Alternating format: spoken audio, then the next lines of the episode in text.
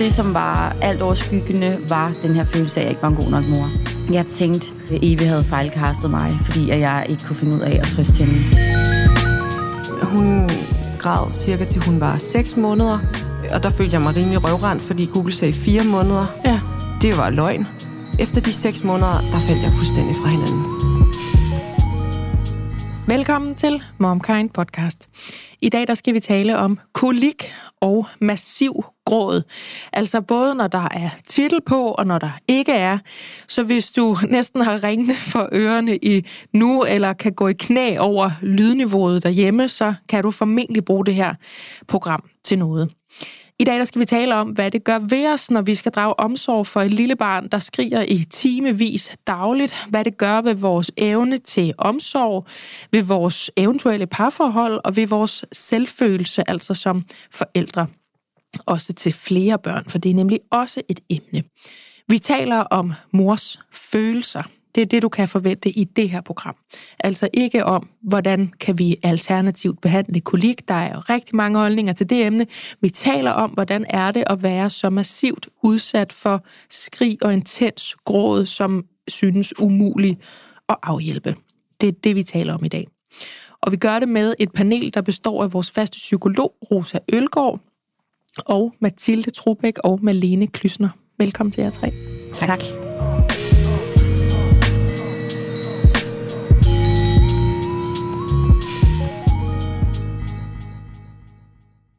Denne episode af MomKind Podcast er sponsoreret af Puri. Og jeg har jo tidligere fortalt om, hvordan jeg er blevet glad for deres vitaminer. Men nu har jeg lyst til at dele, at jeg også er blevet glad for deres kollagen. Jeg blander faktisk deres CP1, som er testet ren kollagen, og CP3 Beauty. CP3 indeholder nemlig zink og biotin, der blandt andet bidrager til at vedligeholde normal hud, og jeg oplever faktisk, at jeg både får mindre tør hud og færre revnede fingerspidser, når jeg tager det her. Udover zink og biotin, så indeholder CP3 Beauty også C-vitamin, B6-vitamin og hyaluronsyre. Puris produkter er testet for renhed og kvalitet, herunder uønskede stoffer som tungmetaller, pesticider og lignende, og du kan selv se testresultaterne, hvis du scanner QR-koden på bagsiden af deres produkter. Har du lyst til at prøve deres kollagen eller nogle af deres andre produkter, så kan du bruge koden MOMKIND30, når du tegner abonnement. Så får du 30% rabat på de første tre leveringer, og altså på produkter til tre måneder. Malene, du er jo journalist. Ja. Og så har du en lille morstatus, som er lidt alvorlig. Den er lidt alvorlig. Ja. Men jeg er god igen. Ja. Øhm, jamen, jeg har bare lige for nylig haft en oplevelse, øh, som jeg blev sådan lidt overrasket over, fordi at øh, jeg skulle til gynekolog og har fjernet min spiral. Den sad øh, uforklarlige årsager øh, virkelig dårligt. Min kæreste kunne godt tænke sig, at det var hans skyld, at han simpelthen bollede, bollede den ud. øhm, oh, det tror men. jeg så ikke. Men, men, øhm, Det er jeg har- meget sådan, det er ikke, hvordan man har det, det er, hvordan man tager det, agtigt sagt er der. Ja. Øhm, så jeg skulle ind og have fjernet den her øh, spiral, og jeg har aldrig haft problemer med øh, at blive pillet dernede af gynekologer eller noget. De kigger bare. Og da han så begynder at fjerne den, der får jeg det bare sindssygt dårligt. Øh, gelében skal brække mig, øh, er fuldstændig ude af kroppen følelse, øh, og bliver vildt overvældet. Sætter mig bare ned i bilen og græder, og tænker, hvad fanden er det lige, der sker? Øhm, og nu talte vi lige om traumatiske fødsler lige før, og det ved jeg ikke, om jeg har haft, men den var i hvert fald kompliceret, og jeg er jo ikke sådan blevet øh, rørt i livmoren, siden at jeg har født. Nej. Øhm, så min krop kunne simpelthen huske nogle ting, mit hoved ikke kunne huske, og den reagerede bare fuld styrke. Ja. Så øh, det var jeg sgu overrasket over, at jeg sådan her to år senere stadig har den der fødsel siddende så hårdt i kroppen. ja, Ja, det var en stærk oplevelse. ja det var voldsomt. Ja. Nu er jeg god igen, men jeg blev virkelig taget med bukserne nede, og var sådan, hvad filen er det lige, der sker Ja. nu Kroppen, i læmet? kroppen har læret noget, som mit hoved troede, det var videre fra. Ja, min mor siger altid, at kroppen husker alt. Ja. Og det er jo så rigtigt. Men du er okay igen. Jeg er okay igen. Ja. Og hvordan med spiralen? Den er ude. Ja. Ude. Så nu går jeg langt uden om min kæreste.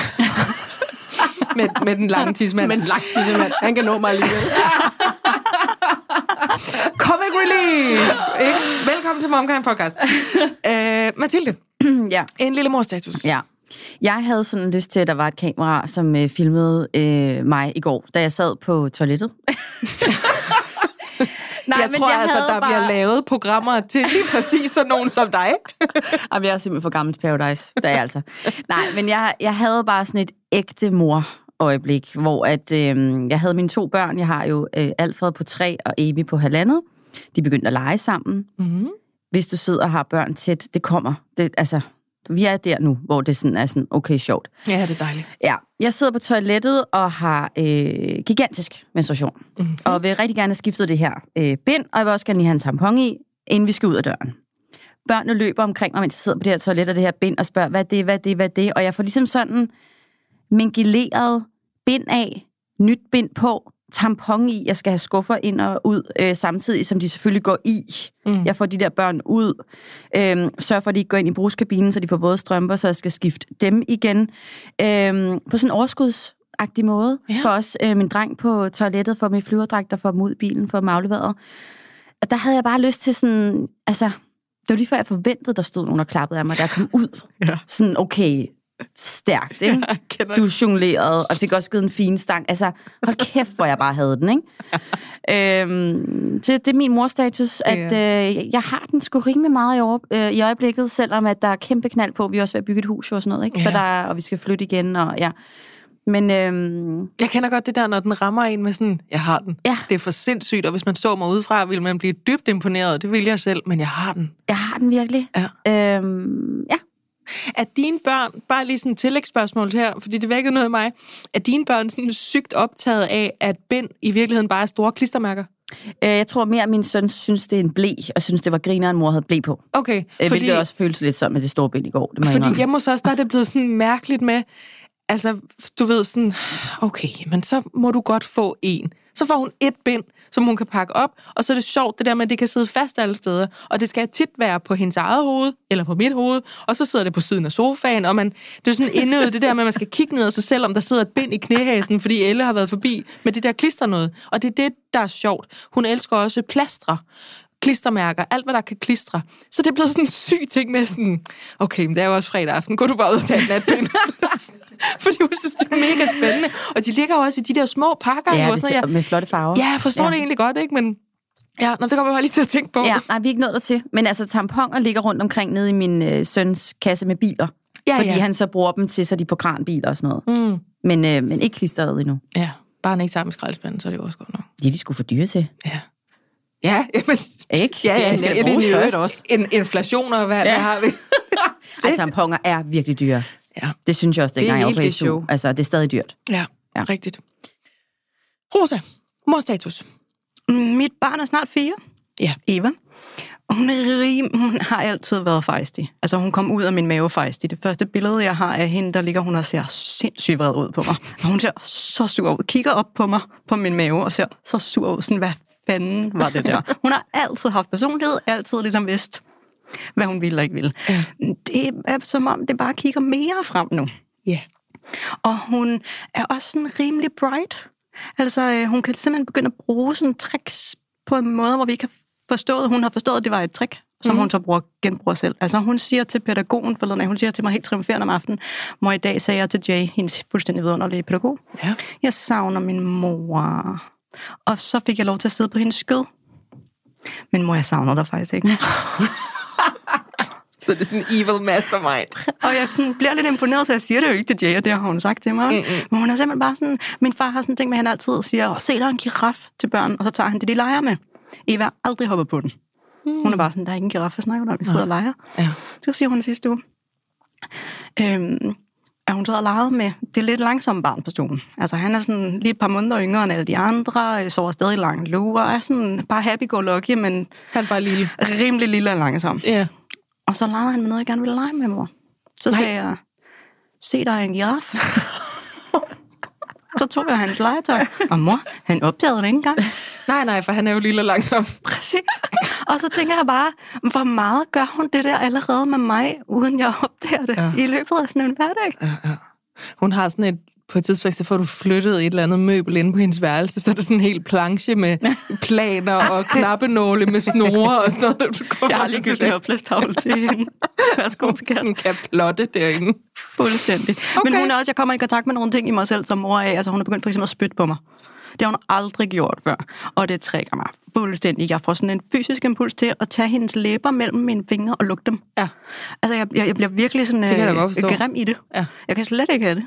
Er det, er det sådan, når, når hun straffer dig, eller når hun er sur eller ked af det, eller er det bare sådan, hun går forbi dig? andet, Eller? hun bliver, altså, hvis jeg siger, at hun ikke må noget, Ja, eller så hvis det er hun skammer sig over noget. konfliktsituation. Ja, det er sådan, hun, hun bliver sur på mig. Ja. Og så, altså, så, siger, så siger du, jeg vil ikke have, du spytter. Så siger hun, jeg glemmer det.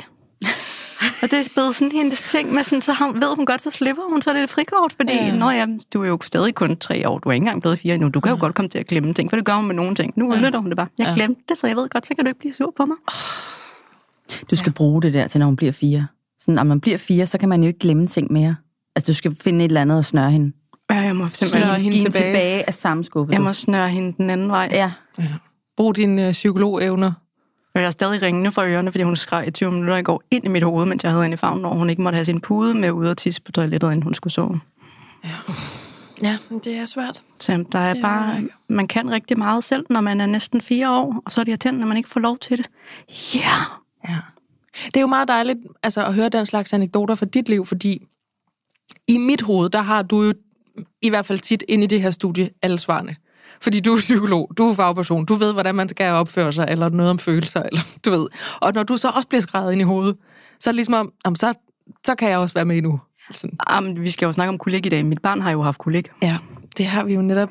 Selvom jeg ved virkelig meget om børn og børns udvikling, så er det sjovt nok ikke et, et billede på ens forældreskab og ens forældreevner. Mm, det er en af de pointer, vi skal til. Og så skal jeg lige hurtigt runde min mors status. Jeg har Elle på tre år og Trille på tre måneder. Og jeg har haft en mærkelig nat, øh, hvor mit barn kalder på mig kl. 10. Hun er blevet puttet, hun har sovet et par timer. Øh, og så står hun op inde i sin seng. Øh, vi er selv sådan på vej i seng ved at lukke fjernsynet ned. Nogen går rundt og børster tænder, og nogen går rundt og, og slukker lys og sådan noget. Og så er hun helt bange. Hun er helt skræmt. Og jeg tager hende i armene, og hun knuger sig ind til mig. Og jeg bliver selv lidt sådan usikker og tænker, hvad, hvad, har hun oplevet noget? Har, er der nogen, der er gået forbi ude i haven i mørket? Eller altså, noget sådan helt at tænke, er der noget herinde på værelset, eller er der en mus herinde? Eller hvad, hvad handler det her om? Og så nåede vi frem til, hun nok bare drømt noget. Og det kan man ikke forklare, når man lige er blevet tre år. Så kan man mere bare være bange. Og hun er også inde i sådan en periode, hvor hun bare kategorisk siger nej til alt. Så vi kunne ikke engang rigtig udelukke, hvad det i hvert fald ikke var. Så jeg ender med at bære hende med ned og sidde og kramme hende ned i sofaen. Og så bære hende med ind i vores seng. Fordi vi har ligesom smidt vores seng i puljen. Vi har en rigtig, rigtig stor seng, så vi kan faktisk godt ligge der hele familien. Det er også hvor vi har fået sådan en. Det kan lade sig gøre. Vi sover ikke godt, men vi kan være der.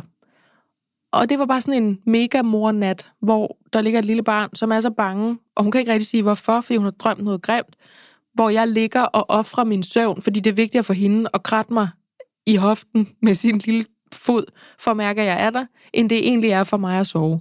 Og da klokken den bliver halv fem, der har bare været vågen så meget, og så jeg har gået frem og tilbage med hendes søster og givet hende mad og alt sådan noget. Så bare tænker jeg, det var de. Jeg kalder den nu. Jeg lukker dørene ind til min nu sovende familie, og min mand, der jo ligger ved siden af. Og så laver jeg kaffe på vores pestdyr kaffemaskine, og så håber jeg ikke, I vågner, fordi nu er jeg oppe. Klokken er halv fem, nu er mor oppe. Og det tror jeg bare, mor status, det der er bare, bare do the work. Altså, do the mom work. Der skulle også være nogen, der klappede af dig der. Mm, det skulle Ja. ja. En lille smule. Prøv at tænke at være den, der alene ved du ligger ved siden af hende, kan give den tryghed. Ja. Men jeg kunne også mærke, at I was doing God's work. Mm. Jeg var helt Mm. med på den, og jeg gør det. Nu kunne det lyde som om, at det synes jeg var nederen. Det var egentlig okay. Det, det, jeg vil godt have haft noget søvn. Jeg vil godt have haft bare måske tre timer søvn. Men det, det er meget vigtigt for mig at trøste til lille barn, når hun bliver bange og ked af det. Det gør hun heldigvis rigtig sjældent. Så det er morstatus. Men nu skal vi snakke om nogen, der er ked af det, eller har ondt, eller er forvirret, eller hvad søren er det med de små børn, der bare skriger og skriger og skriger. Og når man så får den der, eller får den der mærkelige paraply, øhm, diagnose eller stempel, eller hvad det nu er, altså som kolik, og derunder jo i virkeligheden bare intens gråd og intens skrigeri. Det tager vi fat i nu. Tak fordi I er. Det her, det er MomKind Podcast.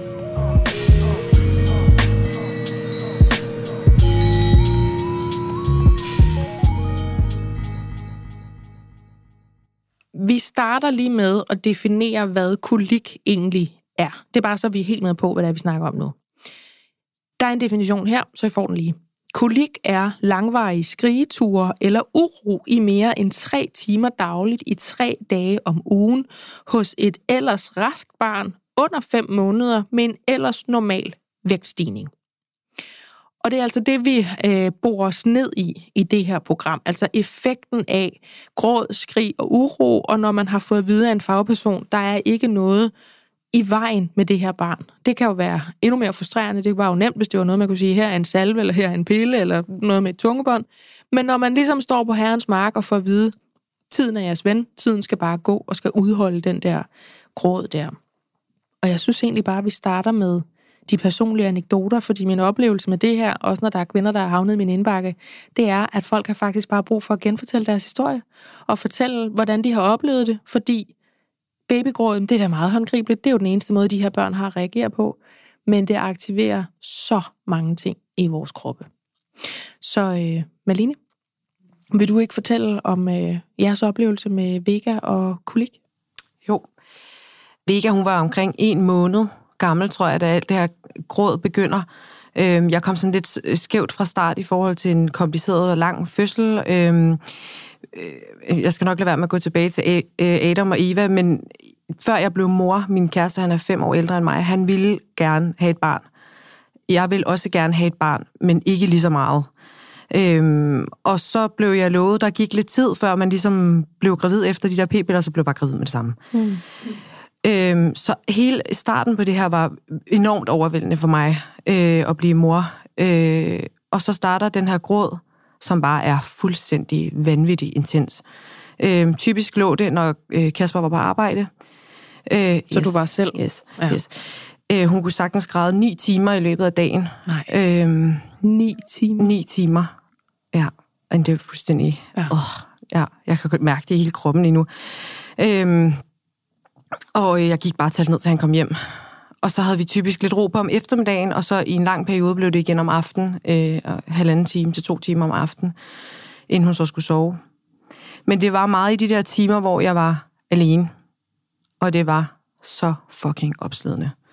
Øh, jeg fik et chok over, hvad det vil sige at være mor. Jeg havde slet ikke indstillet mig på, at det var det, jeg havde i vente. Øhm, og jamen, jeg hang ikke sammen. Jeg sagde også til Rosa tidligere, at man overlever jo i det stykke tid, det står på. Øh, hun øh, græd cirka til hun var 6 måneder, og der følte jeg mig rimelig røvrendt, fordi Google sagde 4 måneder. Ja. Det var løgn. Øh, og så efter det, efter de 6 måneder, der faldt jeg fuldstændig fra hinanden. Altså fuldstændig. Jeg hang ikke sammen. Jeg gav hende til Kasper, hvis hun græd. Jeg kunne slet ikke tåle at høre på, hun græd. Altså som i overhovedet, hvis vi var ude nogle steder, hun bare sagde den mindste lyd, så havde jeg allerede pakket hende i bilen, og så var jeg på vej hjem. Øh, og bare sådan, jeg kan ikke rumme det, jeg kan ikke være her, jeg skal være hjemme, der er ikke nogen, der skal være vidner til, hvor meget det her barn græder. Øh, jeg skal ikke udstilles på den her måde, jeg skal bare være hjemme, hvor ingen kan se mig. Mm.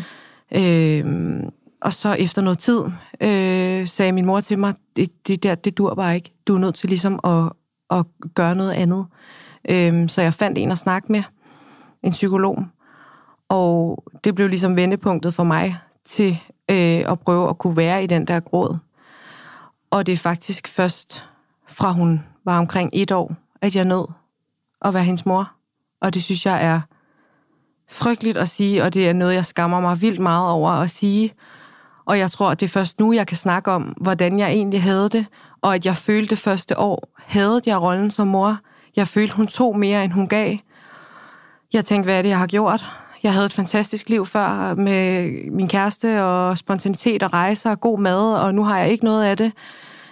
Øhm, og jeg tror, at grund til, at jeg kan snakke om det nu, det er fordi, at nu er jeg sikker på, at jeg elsker hende. Ja.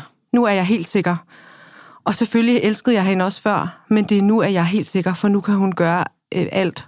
Og jeg synes, hun er fantastisk. Og jeg taler om hende hele tiden, og jeg viser billeder af hende hele tiden. Øhm, men sådan havde det bare ikke det første år. Jeg havde det virkelig dårligt. Ja. Rigtig dårligt. Ja. Øhm, og jeg kan også huske, der var sådan lidt et vendepunkt i min familie, hvor de fik sagt et eller andet med, for jeg tror ikke, de vidste, hvor dårligt jeg havde det.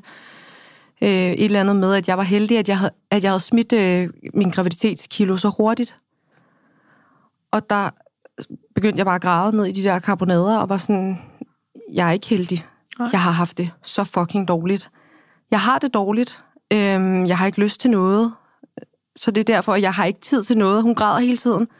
Så jeg har smidt det, fordi at jeg ikke kan andet end at, end at vugge rundt med hende, Ja. eller prøve at få afhjulpet den her søvn. Og allermest så føltes det jo som om, at jeg ikke var en god mor. At jeg ikke kunne trøste mit eget barn. Det var jo det, der var så frygteligt. Jeg følte, at det, det var synd for hende, at hun havde fået mig som mor. Ja, Line. ja. Så det var, jeg havde det godt nok dårligt. Det havde jeg. Ja, Men jeg spejler dig. ja. Jeg har, øhm, jeg har prøvet det to omgange.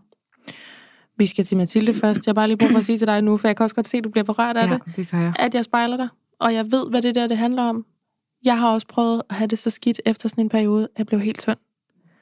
Det er ikke fedt. Nej. Mathilde? Dine børn har jo ikke fået paraplybetegnelsen, eller hvad Søren hvis nu skal kalde den som altså, begreb. Men altså, du har ikke fået det der kolikstempel på, men du har alligevel en erfaring med den massive gråd. Øh, og det er jo dybest set det, vi taler om at udfordre, når vi bor os ned i kolikken, og hvad den gør ved os og ved vores øh, nervesystem og så videre. Ja. Fortæl om, øh, om din og jeres oplevelse. Øh, jamen, vi øh, fik jo Alfred først, som var øh, stille, stille, stille. Altså græd nærmest aldrig. Øh, jeg kan huske, i mødergruppen var det sådan, Nå, har du Alfred med i dag? Fordi man havde... Altså, han var bare helt rolig. Ja. Jeg tror, han er her et sted. Ja, han sov altid. Altså virkelig sådan, det sluttede så også. Men altså sådan, jeg bare huske, at han altid var stille. Og så får jeg Evi øh, kort tid efter jo. Øh, der er 20 måneder imellem dem. Og, øh, og jeg tror egentlig også, der går en måneds tid. Øh, jeg havde også en, øh, en lang fødsel, som var sådan, ja, der var lige noget arbejde sådan mentalt øh, efter den.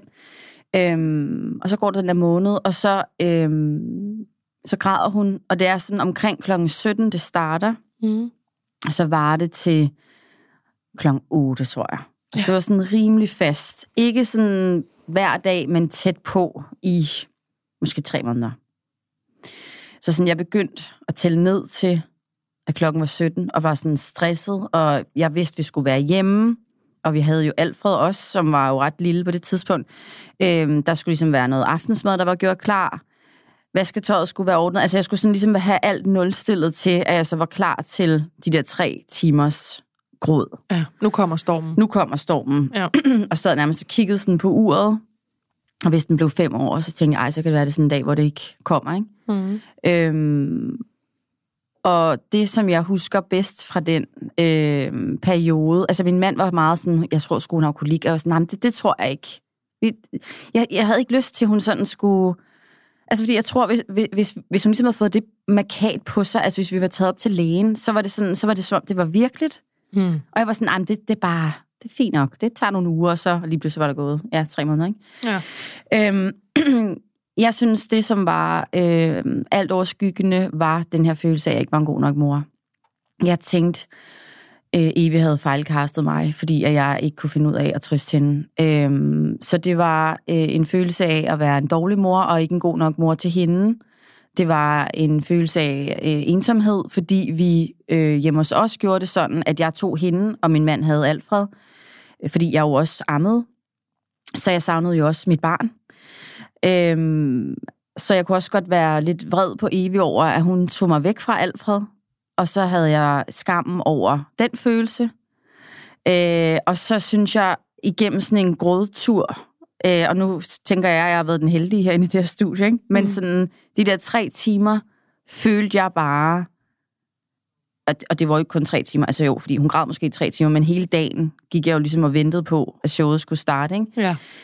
Jeg kom ud steder, jeg ikke har været før mentalt. Altså fordi jeg var igennem øh, omsorg, øh, vugge, vugge, hvad gør vi, øh, massage, fandt øh, Instagram-typer som øh, sådan noget zoneterapi, købt sådan noget bestemt olie, man kunne prøve med bade. Altså The works. ja, så lød jeg være med at drikke kaffe, mælkeprodukter, tænkte, det kunne være, det ligesom gjorde noget. Den kommer man også forbi, den der med drop visse øh, slags kost, eller s- spis mere af det her. Eller, altså, hele den der Ja. rigroll af ting, du selv kan gøre, eller lade være med at gøre, typer, du kan opsøge, eller altså... Ja, Ja. og det er jo min skyld, hun græder, fordi jeg drikker da også for meget kaffe. Men Ja. jeg havde fandme brug for den kaffe, for jeg havde to børn under to, ikke? Jo. Øhm, så det var også sådan den der øhm, rejse, jeg ligesom skulle på selv, mentalt, ja. hver gang hun græd. Hvor jeg var forbi vrede, skuffelse, skam, øh, omsorg, kæmpe kærlighed, øh, frygt. Er der noget galt Ja. med hende? Øh, det var en hård fødsel, de år var lige ved at tage hende med, med noget sugekop. Har hun siddet skævt? At, prøver hun at fortælle mig noget, jeg ikke kan høre? Mm. Aflæser jeg hende for dårligt? Øhm, savnede min mand? Savnede han kunne tage det? Øh, tage hende? Altså, så mange følelser, men alt overskyggende ensomhed og en følelse af ikke at være god nok. Ja. Og så selvfølgelig synes jeg, det var pisse synd for hende. Mm. Altså, det var da også følelse nummer et, ikke? Jo. Øhm, I hvert fald, ja, den første følelse. ja, som den gik væk under processen, afløst. fordi jeg var sådan vred, ikke? Jo. Øh, og også lyst til at gå. Lyst til at tænde bruseren og stille mig under bruseren, så jeg ikke kunne høre det. Ja. Altså, jeg kan huske, når jeg gik i bad, øh, så sørgede jeg altid for, at maskinen centrifugerede.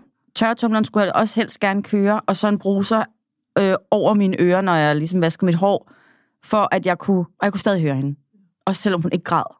Altså, det var så vanvittigt. Og det, det, øh, det, det fortsatte faktisk i lang tid efter, at hun øh, så bare begyndte at græde som en almindelig baby. Øhm, så kunne jeg høre, hun græd, selvom hun ikke græd. Så stod ude i bruseren, kunne slukke og var sådan råbe ind til Christian, er alt okay? Hvor han sådan, ja, ja, vi ser Teletubbies eller et eller andet, ikke? Ja. Så sådan den der sådan, Fantomgråd. ja, øh, hvor jeg også tænkte, okay, fuck, det der stået helt af for mig. Mm. Altså, øhm, Der var engang, man kunne mærke sin telefon vibrere i lommen, selvom den lå ude Ja. i tasken.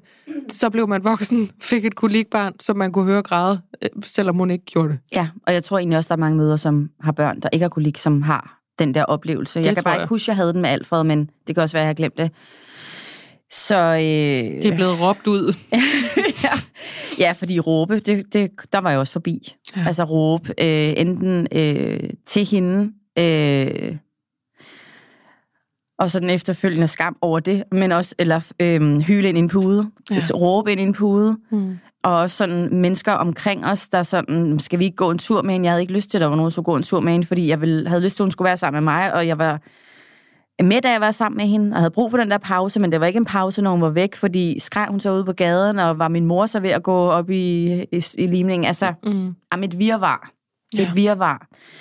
Øhm, og helt klart noget, som fylder, når jeg tænker, at vi på et tidspunkt gerne vil have en træer. Øhm, ikke noget, der afholder os, men noget, der, noget, der fylder. Det kan jeg sagtens forstå. 100. Ja.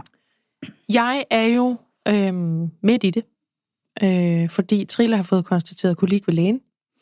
Det er også ved at være et stykke tid siden nu, og jeg føler, og det er sådan noget, jeg tør næsten ikke at sige det, fordi jeg er bange for, altså jinxer jeg det, eller så var det ikke rigtigt, eller... Men nu siger jeg det. Jeg kan jo bare tage det tilbage igen. Øhm, jeg tror, ja, jeg tror, det er ved at blive bedre. For vi har flere og flere aftener, hvor det faktisk er helt øh, udholdeligt. Vi har fundet, I ved, på et tidspunkt, så får man det sådan, når man har et barn, der græder og skriger rigtig meget, at hvis der er nogen, der siger, du skal bare bade hende i blåt vand, så gør man det. Altså man er fuldstændig ukritisk, fordi man er så meget til salg for, hvad end der virker. Hvis det bliver at stå med hovedet ind mod væggen på et ben og sige som en papegøje, så gør vi det. Det skiftes vi bare til at gøre, indtil hun skal konfirmeres. Det er fint, bare du tiger stille. Øhm, og vi har jo et andet barn i forvejen, så der er en øget stress, det ved jeg også, du øh, kender Mathilde, i forhold til, det her skal hun høre på. Der sidder altså et lille menneske lige nu og prøver at se et eller andet gurlig, bluey, Paw Patrol på den fucking iPad, fordi vi kan ikke gøre noget for hende. Vi kan ikke gøre andet end at skiftes til at gå ind til hende helt svedig og puste ud, imens den anden står og vugger hendes lille søster, som er ved at skrige lungerne ud på tredje time. Og vi ved ikke hvorfor. Lægen ved ikke hvorfor. Vi har ikke temperament eller tiltro til, at det her det handler om, at der er nogen, der skal hive hende i, i øh, stortåen på en bestemt måde, eller at jeg skal stoppe med at spise det, eller vi skal begynde at gøre det her, fordi lægen har sagt til os, der er ikke noget af det der, der hjælper. I skal bare vente.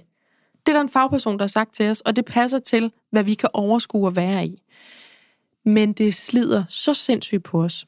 Og jeg har et eksempel på, hvor langt vi har været drevet ud. Det er ikke, det er ikke der, vi er længere, men det er der, vi har været.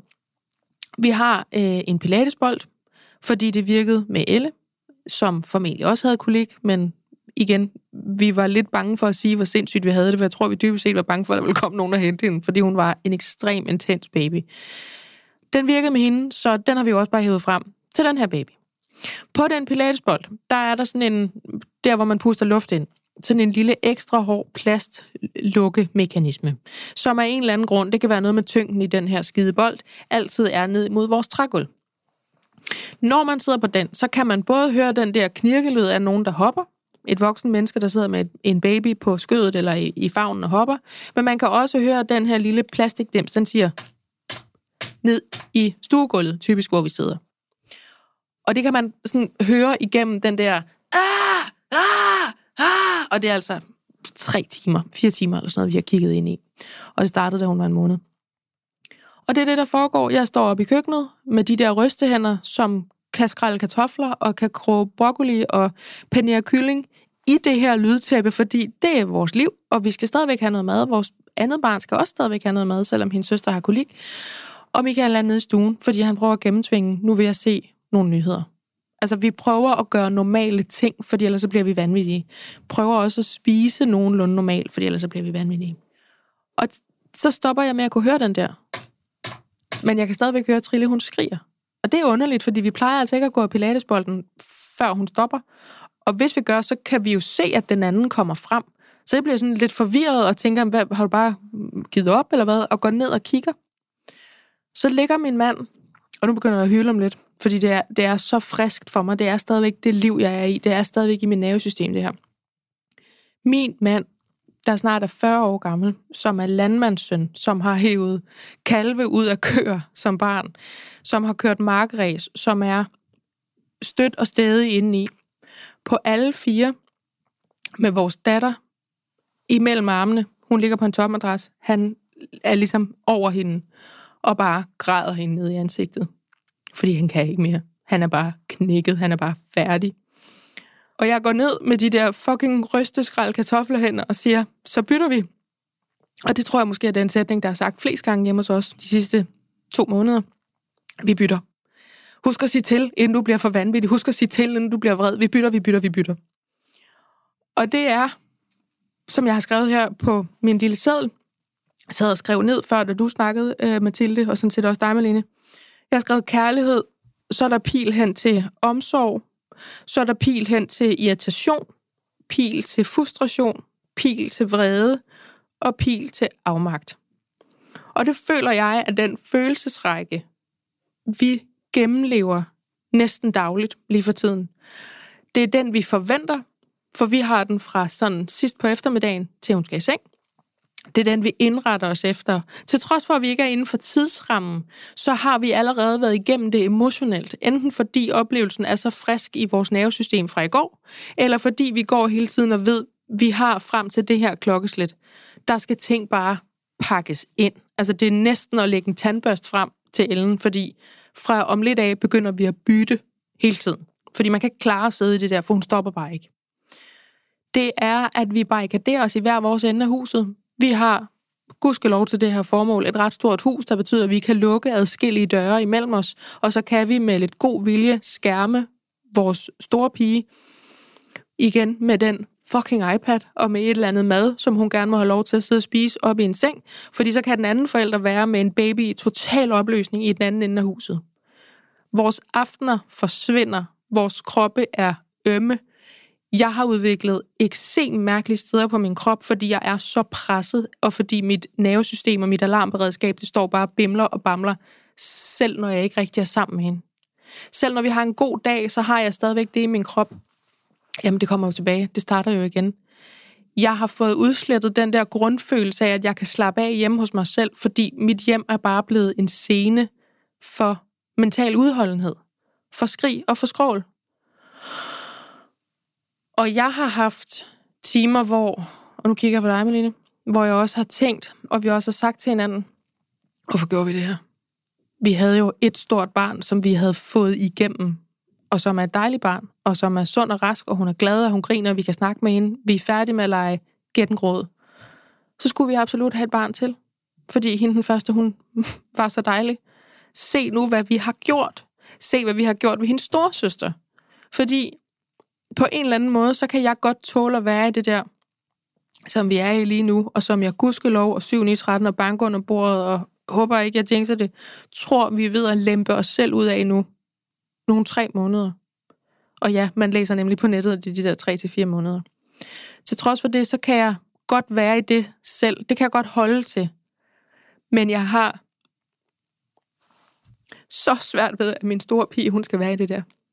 Jeg har så svært ved, at hun skal høre på det der, at hun ligger i sin seng og er blevet puttet, fordi vi prøver at være normale mennesker, vi prøver at have en normal hverdag. Og jeg kan se, at hun kan ikke engang høre den godnatsang, jeg synger for hende. Hun kan ikke koncentrere sig om den historie, jeg fortæller for hende. Hun ligger bare og stiger ud i mørket og er helt skræmt og kan ikke forstå, hvorfor mor og far er ked af det. Tager mig op i ansigtet og siger, mor er ked af det. Og så er hun bare på maven, fordi Elle har fået ind i hovedet, at hvis man græder, så er det fordi, man er ondt i maven. Og det ser mit barn, det er hendes hverdag, fordi hendes forældre er tønslidte af det pis. Og jeg er bare så meget i det. Og jeg skulle have tænkt på, at vi skulle lave det her afsnit, at det både kan noget, at øh, verden er så potent til stede. Øhm, men jeg har også tænkt på, om jeg sådan ville tabe prikkerne fuldstændig, men så bestemmer man bare for, nej, fordi det kan vi godt i den her podcast. Så når jeg siger til dig, Malene, er jeg helt med på, hvad det der handler om. Til trods for, at jeg faktisk ikke fik ni timer med det der. Jeg fik måske fire eller fem, når det gik højt. Så det er det her, jeg mener. Jeg har den der følelse af, det havde jeg i hvert fald med mit første barn, eller jeg havde den følelse med mit første barn. Den her gang går jeg og venter på, at det indfinder sig, at det er det værd. Øhm, jeg tror på en eller anden skør måde, måske netop, at jeg kan klare det her, fordi jeg har prøvet det før. Øhm, vi går sådan lidt og siger sådan lidt galgenhumoristisk til hinanden. Der skal sgu mere til at sove vores følelser. Men sandheden er, at vi er mørbankede mennesker. Og jeg har altså så dyb respekt for folk, der gør det her pis selv. Altså det her, det er det sygeste liv. Det er det virkelig.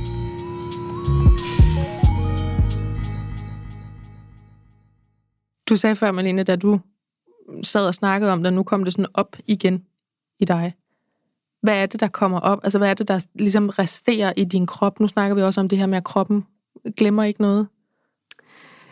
Øh, jamen, det er jo det her skamfulde med, at øh, i dag, der nyder jeg hver dag med hende. Jeg glæder mig til, at hun står op om morgenen. Jeg synes, hun er sjov at være sammen med. Så det kommer op i mig det der, hvordan kan du have haft nogle følelser, der er så langt fra det. Ja. Som virkelig var, jeg har ødelagt mit liv. Jeg har fucket op. Jeg ledte bare efter at komme en sæt. Fortryd, fortryd, fortryd. Det kunne jeg ikke. Øhm, og det kan jeg have det så skidt med i dag, at jeg har haft det sådan. At jeg ikke, og så samtidig med, at øh, jeg tror, at følelsen var, at alle andre omkring mig havde det bedre med, at der var kommet et barn, end jeg havde. Ja. Og, sådan, og det startede jo allerede i graviditeten, for jeg var jo ikke sådan i hovedet helt med på det der med, yes, jeg er gravid.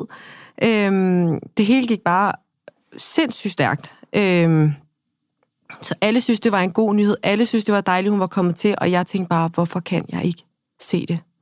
Hvorfor kan jeg ikke se, at det er et mirakel? Alle kalder det et mirakel. Alle kalder hende et mirakel. Det føles som alt andet end et mirakel. Og det øh, synes jeg bare er nogle voldsomme følelser at have haft omkring øh, et lille menneske, som man jo også samtidig elsker enormt højt. Og som jeg i dag slet ikke kunne forestille mig at have de tanker om, hvor lidt jeg godt gad hende der. Gjorde det nogen forskel for jer? og jeg spørger, fordi det gjorde det faktisk rigtig meget for os. At få det der markat, altså få klistret på, når det er ikke ja. jeres skyld. Det er bare noget mærkeligt noget, som nogle babyer gør, og det hedder kolik, og det går væk. Ja. Var det en lettelse, eller hvad var det for jer? For mig var det en lettelse, at lægen sagde, at hun har kolik, for jeg havde taget hende, som du også siger, Mathilde, til alt. Altså alt, hvad der kunne hjælpe. Øh, jeg havde prøvet alt. Ja. Alt, hvad folk øh, kunne bilde mig ind, kunne hjælpe. Zoneterapi, osteopat, kiropraktor. Hun kom ud som stjernekigger, jeg var sådan her, du er låst, og som du også sagde, det der med, prøver hun at fortælle mig noget. Altså følelsen af, sådan, du, vi kan jo ikke kommunikere for fanden. Altså, der er jo noget galt med dig, men jeg kan ikke greje, hvad det er. Mm. Så jeg betalte, eller vi betalte øh, en hver pris for, at ja. alle mennesker, der kunne være en lille smule kyndige, kiggede på hende. Så da lægen sagde, det er kolik, så slap jeg noget af det der, hvor jeg tænkte, nu er vi færdige med at rende rundt til alt det der. Nu skal vi bare være, og vi skal bare overleve den her tid, mm. indtil du øh, får det bedre. Ja. Ja, så der faldt noget af det der pres fra mig i forhold til, det er et puslespil, der fucking ikke kan løses. Ja. Det er ikke, fordi er i du får vejen? nogle forkerte D-dråber. Det er ikke, fordi jeg ikke må spise chili eller mørk chokolade. Det er bare fordi... Men alt det der var jeg også igennem. Ja. Ja. Køb specielle D-dråber. Ja, køb... den der med mælkesyrebakterier. Ja, lige Ja. ja. præcis. Giv Yes, same. mælkesyre, øh, pulver, alt. Ja.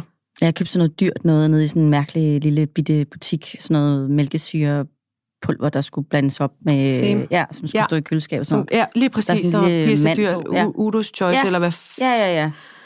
ja. Hjælper overhovedet ikke. Nej, Det er den, vi har nu. det, altså, det, er jeg synes faktisk, jeg synes faktisk det, Står den hjalp en hjemme i lille, køleskabet? Yes. det hjalp en lille smule. Ja, det gjorde os. det faktisk også hos os. Men Men jo slet ikke nej. i den, man havde håbet på. Så tager du lige en tår Det af er jo det her, ikke Basse, og så er du færdig. Mm-mm. Altså, det. jeg, ja, det, det er tiden, og det er også derfor, jeg siger, for mig var det en lettelse. Når nu det ikke var, jamen I skal bare, I skal bare lige trykke hende her på fingeren, så går det væk. Mm. Så var det en lettelse at få at vide, jamen det, I kan ikke gøre noget ved det her. Nej, I skal præcis. bare, succeskriteriet er, at I er der. Mm. Og det kan vi godt være. Vi synes, det er fuldstændig ekstremt udfordrende og nærmest umenneskeligt i forhold til at være forældre for vores anden barn. Men vi kan godt være der. Rosa, du er jo også i studiet. Jeg er også i studiet. Men øh, jeg skulle bare lige... Vi skulle lige græde alle sammen først. Jamen, jeg får lige lyst til at starte med noget, Mhm. mm. før du spørger om noget. Ja. Min øh, øh, svigerinde skal have et barn om lidt, og øh, har lånt alt mit ammetøj, eller fået alt mit ammetøj, mm. så jeg faldt det frem fra loftet. Mm. Og ud af, I ved, de der ammetoppe fra hende som out, som man ligesom klikker op, ud af dem alle sammen poppede ørepropper. Ja.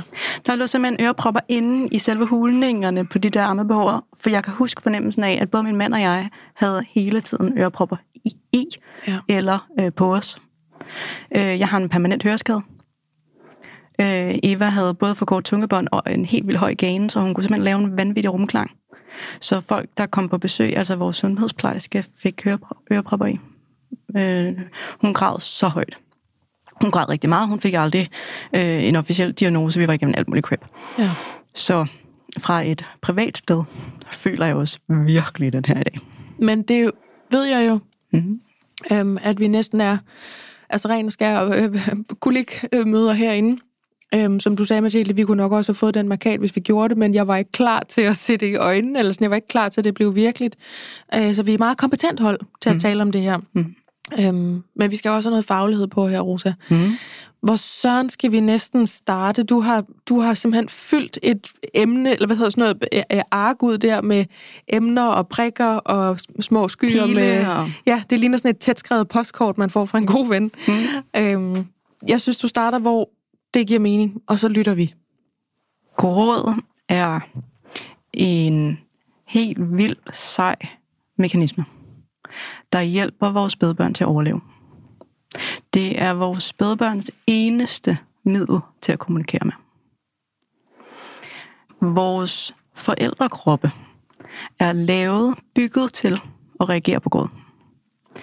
Øh, morkroppen, den fødende krop, er bygget til at reagere særligt på vores egne børns gråd.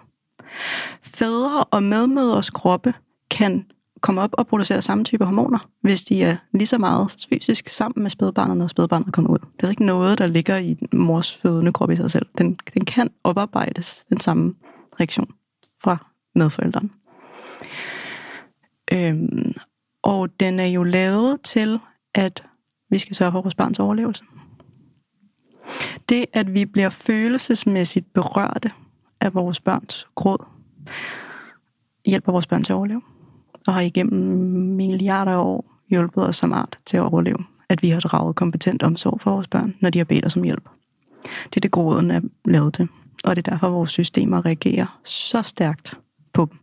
Fordi vores systemer tolker børns gråd, vores børns gråd særligt, som fare. Og som en fare, øh, der skal fikses. Så, så, så det, det er der, jeg får lyst til at starte, at det er en god mekanisme i os, at vi gerne vil fikse det. Mm.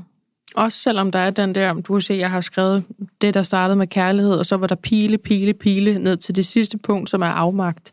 Mm, Min, min, øh, jeg har lavet en cirkel, Ja. som hedder trøste, som fører til en oxytocinproduktion, som er det der lækre ammehormon, som vi også producerer, når vi har sex, når vi kysser, når vi får massager, når vi holder vores rolige børn tæt.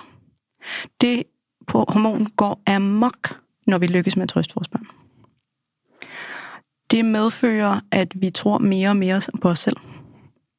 Det medfører, at vi står lidt stærkere næste gang, vi skal trøste vores barn.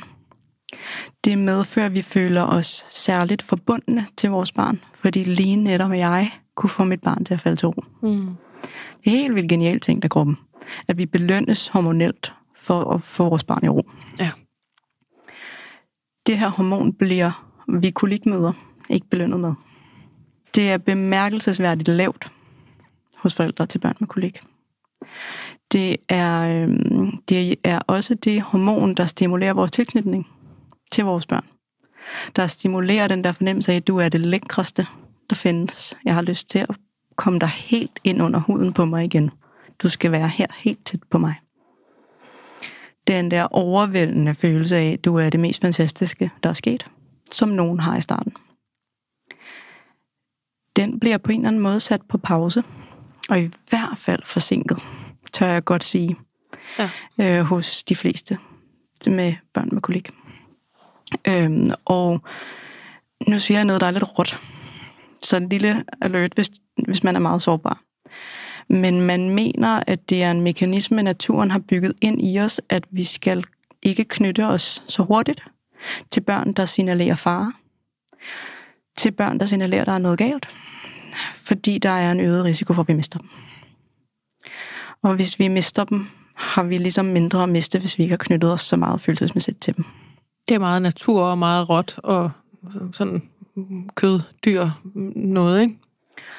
Det er også sådan helt fuck, altså man kan se, hvis man sådan observerer forældre til børn med kolik, så er der jo langt mindre rolig tid. Der er langt mindre kontakttid på det der lækre pludre, jeg kan huske, Eva, hun gad engang, jeg havde sådan nogle, jeg købte de der sådan nogle dyre massageolie og sådan noget, I ved, Rudolf Care Body mm. Balm, som jeg bare skulle massere min lille baby med, og så skulle vi have dyb øjenkontakt og alt det, jeg ved om tilknytning, det skulle bare være lækkert. Mm. Mit barn gad ikke at ligge på, på et puslebord, hun gad ikke at skifte en blæ, hun gad ikke ligge stille, jeg kunne skide af helvede til med alt, der lignede babymassage. Altså, så den der type kontakt, den var hun bare øh, alt for urolig til at være i. Så den fik du heller ikke? Den fik jeg heller ikke. Nej. Altså, så der er jo både noget i det der med, det, at vores systemer passer på os selv, i forhold til at passe lidt på, hvad vi knytter os til, hvem vi knytter os til. Og så er der også noget i, at alt det der lækre, vi skal bygge den på, alt det, vi skal have i banken, for så at kunne holde til de timers råd, dem får man ikke på samme måde, når man har et barn med kolik. Altså, man bliver både tappet og ikke ladt op. Præcis. Ja. Og den der fornemmelse af, at man ikke lykkes med at trøste sit eget barn, det tror jeg, vi, altså det, I siger det jo alle tre, mm. uafhængigt af hinanden, mm. at det der med, at jeres børn har trukket det korteste strå i mor, fordi jeg kan ikke finde ud af at trøste mit barn.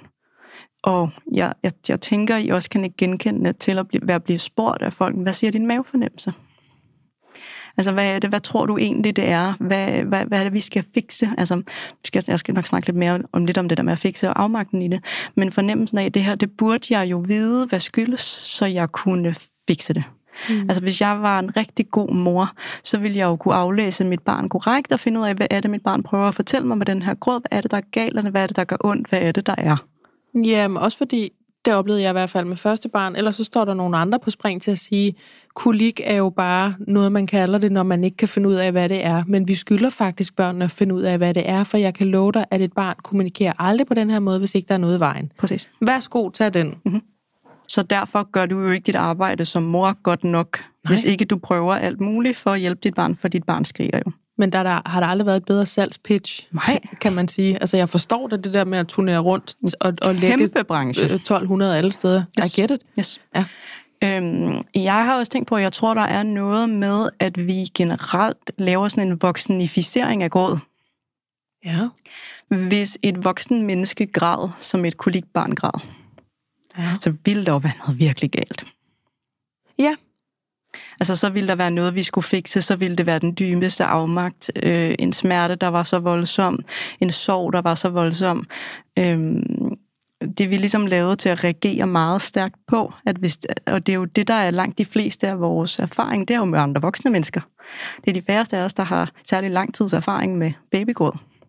Ikke alle, der som jeg har siddet på afvending med spædbørn som en del af mit arbejde, og udholdt gråd som en del af deres arbejde, eller har siddet, haft mindre søskende, eller har arbejdet i vuggestuer, eller har på den måde kontakt med børn og gråd. Nej. Så vi har en tendens til at kode gråd med det, vi kender i forvejen. Det ville være voksne, der græder. Ja. Og så ville det være helt af helvedes til, hvis et voksent menneske prøver at kommunikere sådan her til os. ja. Det er ligesom det, vi prøver at kode det med. Og det føles jo farligt. Og det føles jo noget, som vi skal gøre noget ved. Og når jeg sagde før, det der med, at jeg gerne ville snakke lidt om det der fikse noget, øhm, det er jo, gråden som jeg sagde før, er lavet til, at vi skal få den til at holde op. Den er lavet til at trække noget helt bestemt i os, så vi skal få den til at stoppe. Altså, vi skal kigge efter, hvad er det for forskellige ting, der kan være årsag til det, hvad, hvordan kan vi afhjælpe det. Den afmagt, der så opstår, når man ikke føler, man kan hjælpe sit barn, Mm-hmm. er så farlig. Altså, afmagt er en af de giftigste følelser, vi kender. Afmagt er jo følelsen af ikke at være herre over sit eget liv. Ikke sådan en perfektionist kontrol, men ikke at kunne sikre overlevelse, ikke at kunne sikre trivsel, ikke at have den i vores eget liv. Sådan manglende autonomi i vores eget liv. Og hvis der er noget, vi har brug for, når vi skal drage omsorg for et lille bitte spædbarn, så er det jo følelsen af at have den. Det her kan jeg godt finde ud af, fordi det er ligesom mig, der har den. Ja. Når man ikke har det, hvis man har en grundlæggende fornemmelse af afmagt, så skal man kigge på den. Og så skal man, lige, så skal man have taget den alvorligt. Og i dag skal vi, skal vi snakke om mors oplevelse. Og afmagt er jo mors oplevelse.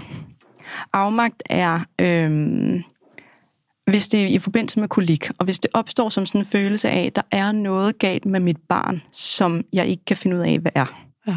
Altså det modsatte af i det, som I to beskriver, når I siger, at det var en lettelse at få kolikstemplet. Så kunne jeg ligesom holde op med at fikse. Kunne jeg holde op med at skulle have den og skulle løse den. Hvis man har en fornemmelse af, at der er noget off med sit barn, at der er noget, der ikke bliver set, så skal man altså enten få en second opinion hos en læge, for selv at blive bekræftet i, det er bare kolik. Mm. Det siger jeg med Med Alle fortegn. gåseøjne, ja. man skal ikke, fordi det er så vigtigt for oplevelsen af ens barns gråd, at man ikke møder det med den der panikagtige, hvad fanden er det, jeg ikke ser? Hvad er det, der er galt med dig? Øhm, hvad er det, jeg gør forkert? At alle de oplevelser, man som mor og som far og som medmor kan stå med i afmagt med et lille barn, der ikke holder op med at græde. Oplevelsen er så kvalitetsmæssigt forskellig. Om du har oplevelsen af, at ja, du græder, men jeg ved, der ikke er noget fysisk galt med dig. Der er en læge, der har tjekket dig i hoved og røv. Jeg ved, du er okay, men skat. Der er noget, der frustrerer dig. Ja. Der er noget, der er hårdt ved at være kommet til her i verden. Måske, altså når man kigger millioner år tilbage, så har vi jo båret børn 3-4 måneder ekstra i maven. Man kan, man kan se, at vores hofter er blevet smallere over tid, da vi rejser os op og gik på to ben. Dermed blev vi nødt til at føde vores børn tidligere og tidligere, for at de kunne komme ud igennem vores bækken. Okay. Ja, mind blown. Det vidste Ja. jeg ikke. Og det er bare en del af teorien omkring kolik i, at børn ikke er blevet klar til at blive født. Altså børn ikke er klar til livet uden for livmoren. Det er jo også det der, der er altid... Altså alle hører om de her umodne tarme, og så går man og spørger sig selv, hvorfor kommer de ud og er så ikke klar til den vidderligt eneste næringskilde i mit tilfælde, hvor jeg fuldammer for eksempel. Hvorfor er din mave ikke præpareret til det? Præcis. Og det, det, det, er en, det er en del af alt det der årsagsforklaring, man forsøger ja. at lave i at de simpelthen ikke er klar til, fordi det ikke har været meningen, de skulle ud mm. før. Men det med, hvis man står med et barn og ved, du er tjekket, der er ikke noget med dig, min skat. Du, det verden er sgu nok bare for overvældende for dig. Du kommer ud for tidligt, det er for meget for dig. Du vil for meget her i livet, det bliver for overvældende for dig. Men jeg har dig. Den oplevede morfølelse af den gråd, Ja. er jo så anderledes end afmagten i, du græder for at fortælle mig, der er noget galt, som jeg ikke kan fikse, som der er ingen, der tager alvorligt, men der er nok noget meget alvorligt galt med dig. Du har nok smerter et eller andet sted. Ja. Jeg kan ikke finde ud af at fikse det. Øhm, hvor er det synd for dig, at jeg bare lader stå til. Hvis det er den, man oplever gråden med hver gang, det er så vigtigt at få den parkeret. Altså enten, det er derfor, jeg snakker om second opinion, ja. enten få den parkeret hos en anden læge, eller have fornemmelsen af, nu gør jeg én ting. Ja. Nu prøver jeg med de der skide mælkesyrebakterier, så er det det, vi gør. Øhm, fordi de fleste af os kommer til, når vi bliver presset, og gøre alt muligt forskelligt på én gang. Ja. Altså, og, øh, det er så, også det, der bliver lagt op til, føler jeg. Så vugger man, så virker det ikke lige at vugge på den her måde. Så tager man op i bagerscenen efter tre minutter, så virker det heller ikke lige i bagerscenen. Så er det ud og gå i vognen, og du gad du heller ikke ligge i vognen. Altså, så man giver hverken sig selv eller barnet en mulighed for, at noget kommer til at virke. Den der uro i, jeg skal hele tiden fikse det, jeg skal hele, hele tiden rykke det, jeg skal hele tiden prøve noget nyt. Mm. Det er også fordi, man googler og googler og googler, eller man, det gør, det gør yes. jeg i hvert fald, mm. det gør jeg generelt altid, hvis der har været et eller andet med mine børn, og så får man jo alle mulige forslag, så finder man en eller anden lille tråd, hvor der er en, der har skrevet, det hjælp at gå i øh, et sted, hvor der var mange mælkebøtter. Og så går man derhen. Og så lidt efter finder man en anden tråd, hvor der stod... Stop øh, jeg med at drikke mælk. Ja, øh, kun drik kakaomælk på havre. Så går man ud og køber tre liter af det. Mm. Altså så også fordi det er den Google-fase, fordi man jo, som du siger også, leder, leder, leder efter ja. det gyldne. Vi nåede lige at runde den der med afmagt. Mm. Var der noget omkring den? Altså, det er jo, vi er jo helt med på, det er mors følelser, vi snakker om. Det er fordi, jeg tror, min afmagt lå i, at jeg ikke vidste, hvor lang tid jeg skulle udholde det. Mm. I mhm. hvert fald med første barn. Jeg mm. kan mhm. mærke, at jeg er mere resilient den her gang. Og som jeg også sagde før, så føler jeg, at, der, at det var en lettelse for os at få det der markat. Fordi det har helt sikkert givet mig noget andet. Jeg kan, hvad skal man sige, udstråle ud igennem min brystkasse, når jeg så står med hende, og hun er i opløsning. At jeg ved, ja, vi venter sammen, skat, på, at du bliver hvad ved jeg, fire måneder, fem måneder, seks måneder, eller hvor lang tid det her nu skal stå på. Ikke? Mm. At jeg netop ikke er det der søge noget, hvor jeg øh, selvbebrejder, fordi om vi kunne da også have været taget til den behandler, eller vi kunne da også have gjort sådan, eller er der noget med de tarme, som er, som er værre end, er der noget, vi ikke ser, og sådan noget. Den, den fase er vi ligesom over, og det kan egentlig også godt være, nu når jeg sidder og siger det, at vi oplever det bedre den her gang, eller fra, altså, at kurven ligesom knækkede fra, vi fik det markat, at hun måske er den samme, mm. men vi er blevet mere rolige i det. Og det er præcis det, jeg mener med den oplevede yeah. oplevelse af gråden. Mm. For den er så forskellig alt efter, om du prøver at fikse, om du er bange for, at dit barn er mega syg, om du er bange for, at dit barn har virkelig ondt, eller om du sådan, det her er ikke noget, vi kan gøre noget ved, det går over af sig selv, det er skide synd for os, og det er egentlig også synd for baby, men mest synd for os, det her skal nok gå over. Kolik er jo ikke bare gråden. Altså det er ligesom det største og det første. Men det er også ensomheden for mor og far. Isolationen. Mm. Følelsen af at være låst, at man ikke kan noget. At man vidderligt har et tidsfængsel. For nogen kan det være hele dagen. Kigger på dig, Malene. For andre ved vi, om vi har frem til det her tidspunkt på dagen til at være en normalt fungerende, sammenhængende familie. Derfra, der bliver det hat og briller, og vi kan ikke være noget for vores andre børn. Jeg vil gerne dvæle lidt ved, fordi det var det, jeg faktisk havde det, udover lydniveauet selvfølgelig, allersværest ved. Og det er også det, jeg ser, der sådan er det centrale for de henvendelser, jeg har fået omkring, kan I ikke tale om gråd og hvad det gør ved os, kolik, hvad det gør ved os. Det er lige præcis den der med, nu er jeg kommet så langt ud, at jeg står og skriger ind i en pude. Nu er jeg kommet så langt ud, at jeg går ind på badeværelset og tænder bruseren, og så står jeg bare og råber eller jeg sætter mig ned og græder, eller jeg øh, begynder bare at sidde ude i min bil, og tårne løber bare ned ad kinderne på mig, fordi I'm done. Mathilde, du sagde, du skreg i puder. Jeg har også skrevet i puder. Malene, skreg du i puder, eller hvad gjorde du? Nej, det gjorde jeg ikke. Øhm, jeg tror, jeg havde rigtig svært ved at komme ud med det, altså få det ud af min egen krop, og det var nok også det, der gjorde det i virkeligheden værre, ikke? Øh, men jeg kan huske en, en aften, da jeg var, jeg var så færdig af det. Øh, der lagde jeg hende ind i hendes seng, og så smækkede jeg døren ind til værelset. Ja. Altså, virkelig hårdt. Ja. Og så, så løb jeg jo ind derind igen øh, lige bagefter, fordi jeg var sådan, det, det var ikke, det var ligesom ikke super hensigtsmæssigt. Mm-hmm. Øhm, jeg var bare så fyldt af det. Jeg følte, der var så meget af det inde i mig, at det ikke engang ville kunne komme ud, selv ikke hvis jeg skreg i lige så mange timer som hende om dagen. Det var bare knudet, altså knudet sammen inde i hjertet på mig. Altså, jeg kunne slet ikke øh, få afløb fra det, eller hvad man siger. Øh, ja, så jeg tror faktisk først, det var, da Vega var omkring et år, eller sådan noget. Vi sad og lukkede ukrudt ude i haven, mens hun sov, Kasper og mig, hvor jeg sådan fik spurgt, øh, har du nogensinde fortrudt? Og så sagde han, jamen jeg elsker hende. Så siger han, du behøver ikke, altså, der behøver ikke at være et men. Eller jeg, jeg elsker hende jo. Du kan bare sige. Så, og der sagde han også, jeg har tænkt flere gange, at vi havde det bedre før. Hmm. Og vi vidste jo godt øh, begge to, hvad der lå ind imellem alt det der, og vi ville ikke undvære hende for noget. Men bare det der med, at, at han også havde tænkt det, Hmm.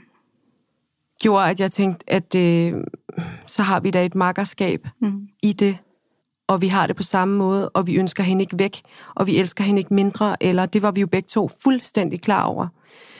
Men bare det der med at være ærlig omkring, det var godt nok ikke, hvad vi havde regnet med. Og så høre ham være lige så fyldt af det, fordi han var den, der havde overskud i de måneder, hvor hun græd, fordi jeg tror også, han havde det dårligt over, at det var mig, der havde de fleste timer. Så det var tit ham, øh, der skiftede mig ud, hvis man kan sige det, ikke? I den der, Ja. vi skifter, vi skifter. Ja. Øhm, så at høre, at han også havde haft det sådan, det var så rart for mig. Men jo lang tid efter, jeg måske havde haft brug for at høre det. Du bringer mig egentlig rigtig, rigtig fint videre til det sidste, vi skal nå at rumme øh, i det her program. Der kan jo laves 10 af de her programmer, fordi det er jo menneskelige reflekser på en dybt belastende situation. Så der kan siges meget. Det kan vi ikke nå, men vi skal altså omkring det her med, hvad gør det ved et parforhold, et fælles forældreskab, et makkerskab, at få øh, det her barn, som med sig tager en kæmpe belastning, der bare sætter ens nervesystem i flammer. Hvad gjorde det ved jer, Malene? Hvad oplevede du, der skete imellem jer, da det her blev hverdag? Øhm, jeg var så vred på Kasper. Rigtig vred. Øhm, jeg snakkede ikke pænt til ham. Vi snakkede ikke pænt til hinanden. Øh, vi havde også den der aftale, som jeg tror, der er så mange øh, andre, der har, at hvad der bliver sagt mellem klokken et eller andet og et eller andet, det Ja. ja. tæller ikke. Nej. Øhm, øh, så tonen imellem os blev anderledes, end den havde været før. Øhm, jeg følte, jeg var udulig. Jeg følte, han var udulig. Der var ikke noget, der hjalp. Han hjalp ikke. Jeg hjalp ikke. Intet kunne gøre det bedre. Det skulle være så fantastisk, og vi skulle være tre, og nu var det bare lort. Øhm, så rigtig meget øh, af det forsvandt i nogle måneder, og har jo stille og roligt bygget sig op igen, og er kommet tilbage. Men øhm, der var ikke rigtig noget, der hed kærester i den tid. Det hed bare overlevelsespartner, eller sådan. Vi skal prøve at få hinanden til at overleve. Ja. Øhm, ja. Så jeg synes, at det var sindssygt hårdt for parforholdet. I den periode, hvor det stod på, og også efterfølgende, hvor alle de ting, de skulle øh, rettes op igen. Og når man har forestillingen om, at det skulle bare være det smukkeste og det mest fantastiske, og nu kommer der et barn, og miraklet og bla bla bla. Mm. Øh, og så bare blive taget totalt øh, i røven og tænke, hold da, hold da op, det var anderledes, end hvad vi havde talt om, det skulle være. Det er meget larmende mirakel. Ja, Ja. det, det, højt lydniveau på det mirakel. Ja. Øh, ja. Så, så det tog os længere tid at lande i, end, øh, øh, end hvad jeg havde regnet med. Mm. Men samtidig synes jeg jo også, at altså, det, var lort, men man lærer jo også på en eller anden måde hinandens grænser at kende. Han kan tydeligt se på mig nu, når det er, at jeg ikke rummer det. Jeg er så dårlig, så nu skal jeg til at øve mig i, at jeg ikke bare siger ja. Fordi jeg vil gøre alt for, at hun ikke græder. Ja. Også selvom hun er stor. Ja. Okay, du vil gerne have øh, ostepops, vi skal til at spise. Jamen, så, så tag lidt. Hvor der er det Kasper, der ligesom er god til at sige til mig, hun behøver ikke få et ja. Hun, hun må godt blive ked af det. Ja. Hun må godt blive frustreret over, at det er ikke det, vi skal nu. Men din krop er Men allerede jeg i gang. gerne afværge gråden, allerede inden den er gået i gang. Ja. Forebygge alle former for konflikter med hende. Øhm, og der er det der, han ved præcis, hvor jeg er. Og han ved godt, jeg kan ikke lide at høre, hun græder. Øhm, hvor han så siger, det er, det er fint nok, hun kan godt få et nej. Og det skal hun også lære at rumme. Mm. Nå ja. Ja. Så man lærer også rigtig meget om hinanden på kort tid i forældreskabet, selvom man ikke har været forældre særlig lang tid. Mm. Det er jo den mest altså, intense teambuilding Ja. ever, kan man sige. Ikke? Hvis det altså ender godt, vel at mærke. Mathilde, dig og øh, Christian, hvad oplevede I, da I havde det intenst? Jeg tror egentlig, ensomheden var den, der fyldte mest, fordi vi lige pludselig fik et barn hver-agtigt. Ja. Øhm, og jeg tror måske også, Christian var sådan... Han følte sig enormt utilstrækkelig, fordi han jo ikke rigtig kunne gøre noget. Fordi vi jo havde et barn øh, på knap halvandet, øh, og jeg ammede, så der var ikke så meget at rafle om i forhold til, hvem der skulle have hvem, kan man sige. Mm. Så jeg tror, han, han følte sig sådan utilstrækkelig i forhold til ikke at kunne hjælpe mig Øh, så det var ligesom mig, der havde den, om man så må sige. Øhm, og jeg følte mig jo omvendt utilstrækkelig over for Alfred.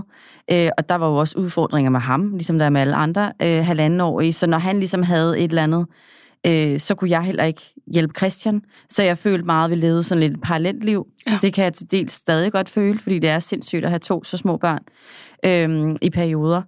Øh, så sent som i weekenden sagde han også, eller snakkede vi om, at vi sådan godt kan føle os ensomme i vores parforhold, men det var mere udtalt der, hvor at, at, at der var så meget gråd. Ja.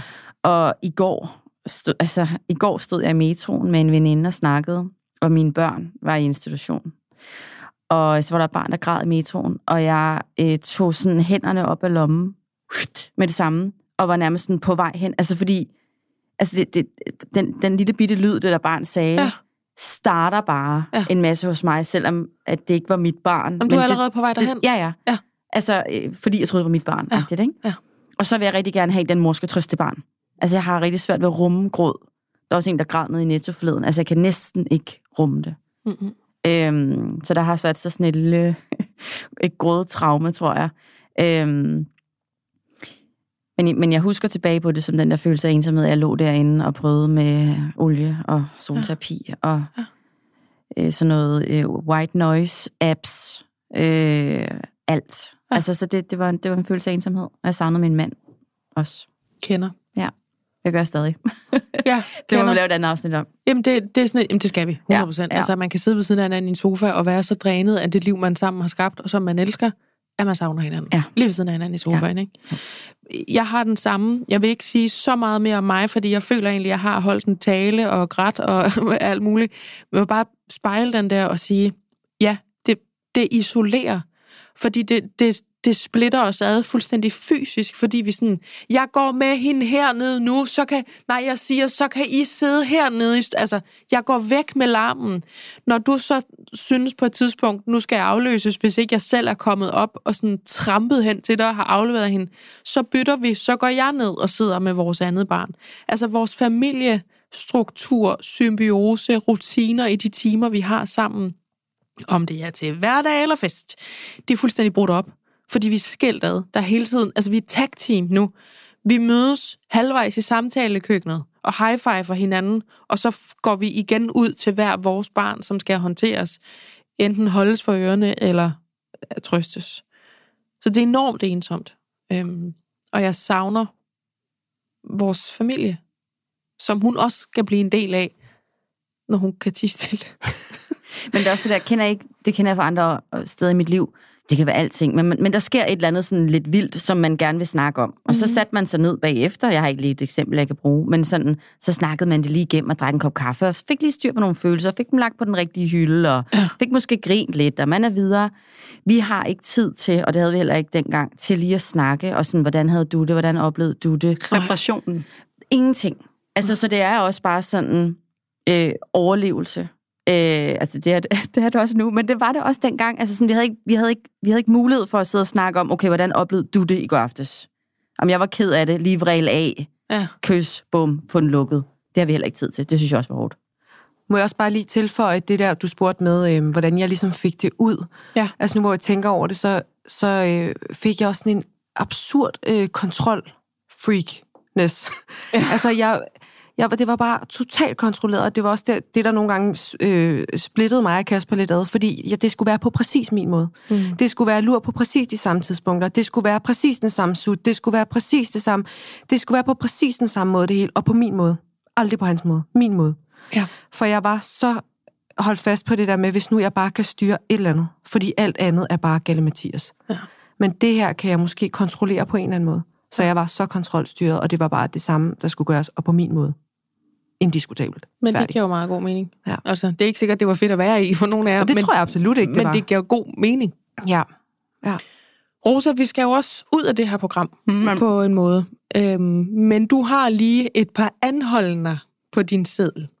Ja, og det, ja, det ene kan jeg lægge meget fint i tråd til det, du siger, Malene, som går på fornemmelsen af, hvad er det, der virker? Altså, hvad er det for nogle strategier til, når det hele er allermest sindssygt, der virker for os? Og vi, vi gør jo, hvad der virker, og vi gør det helt øh, analt, skulle jeg lige til at sige, øh, rigidt.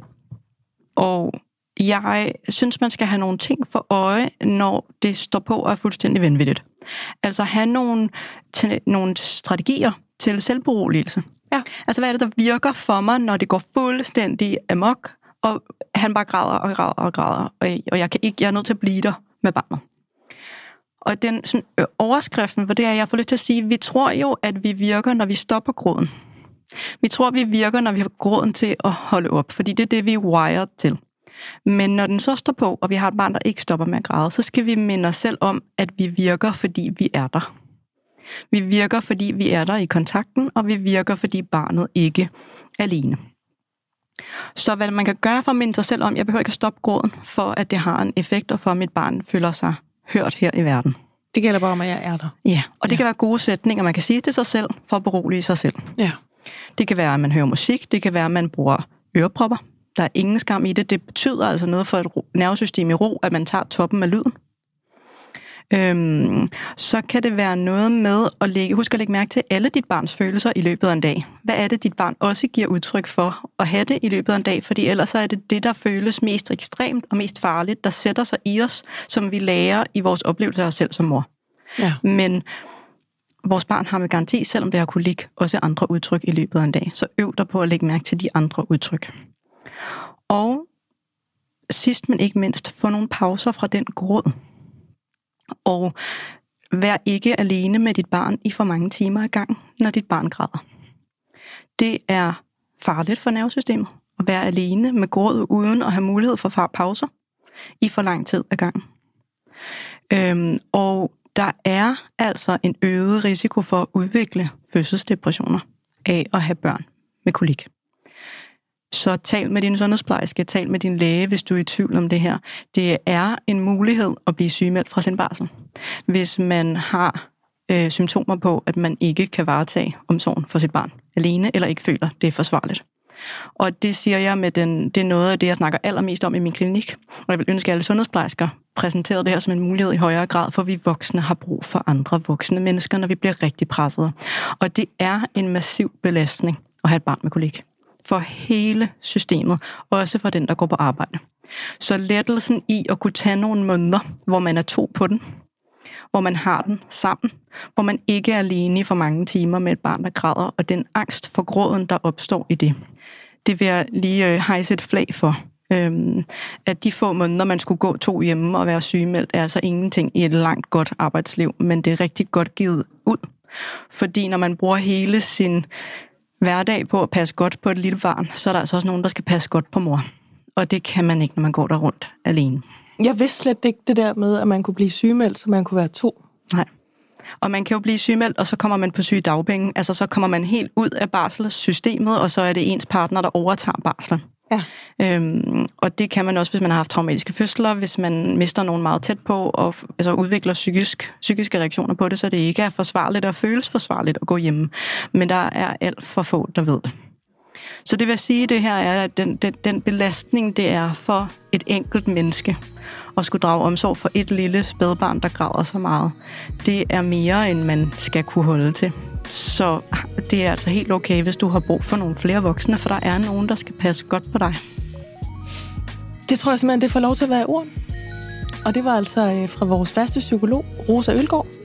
Og så skal jeg også sige tak til øh, Mathilde Trubæk og Malene Klysner. Tusind tak, fordi I var med i dag. Selv tak.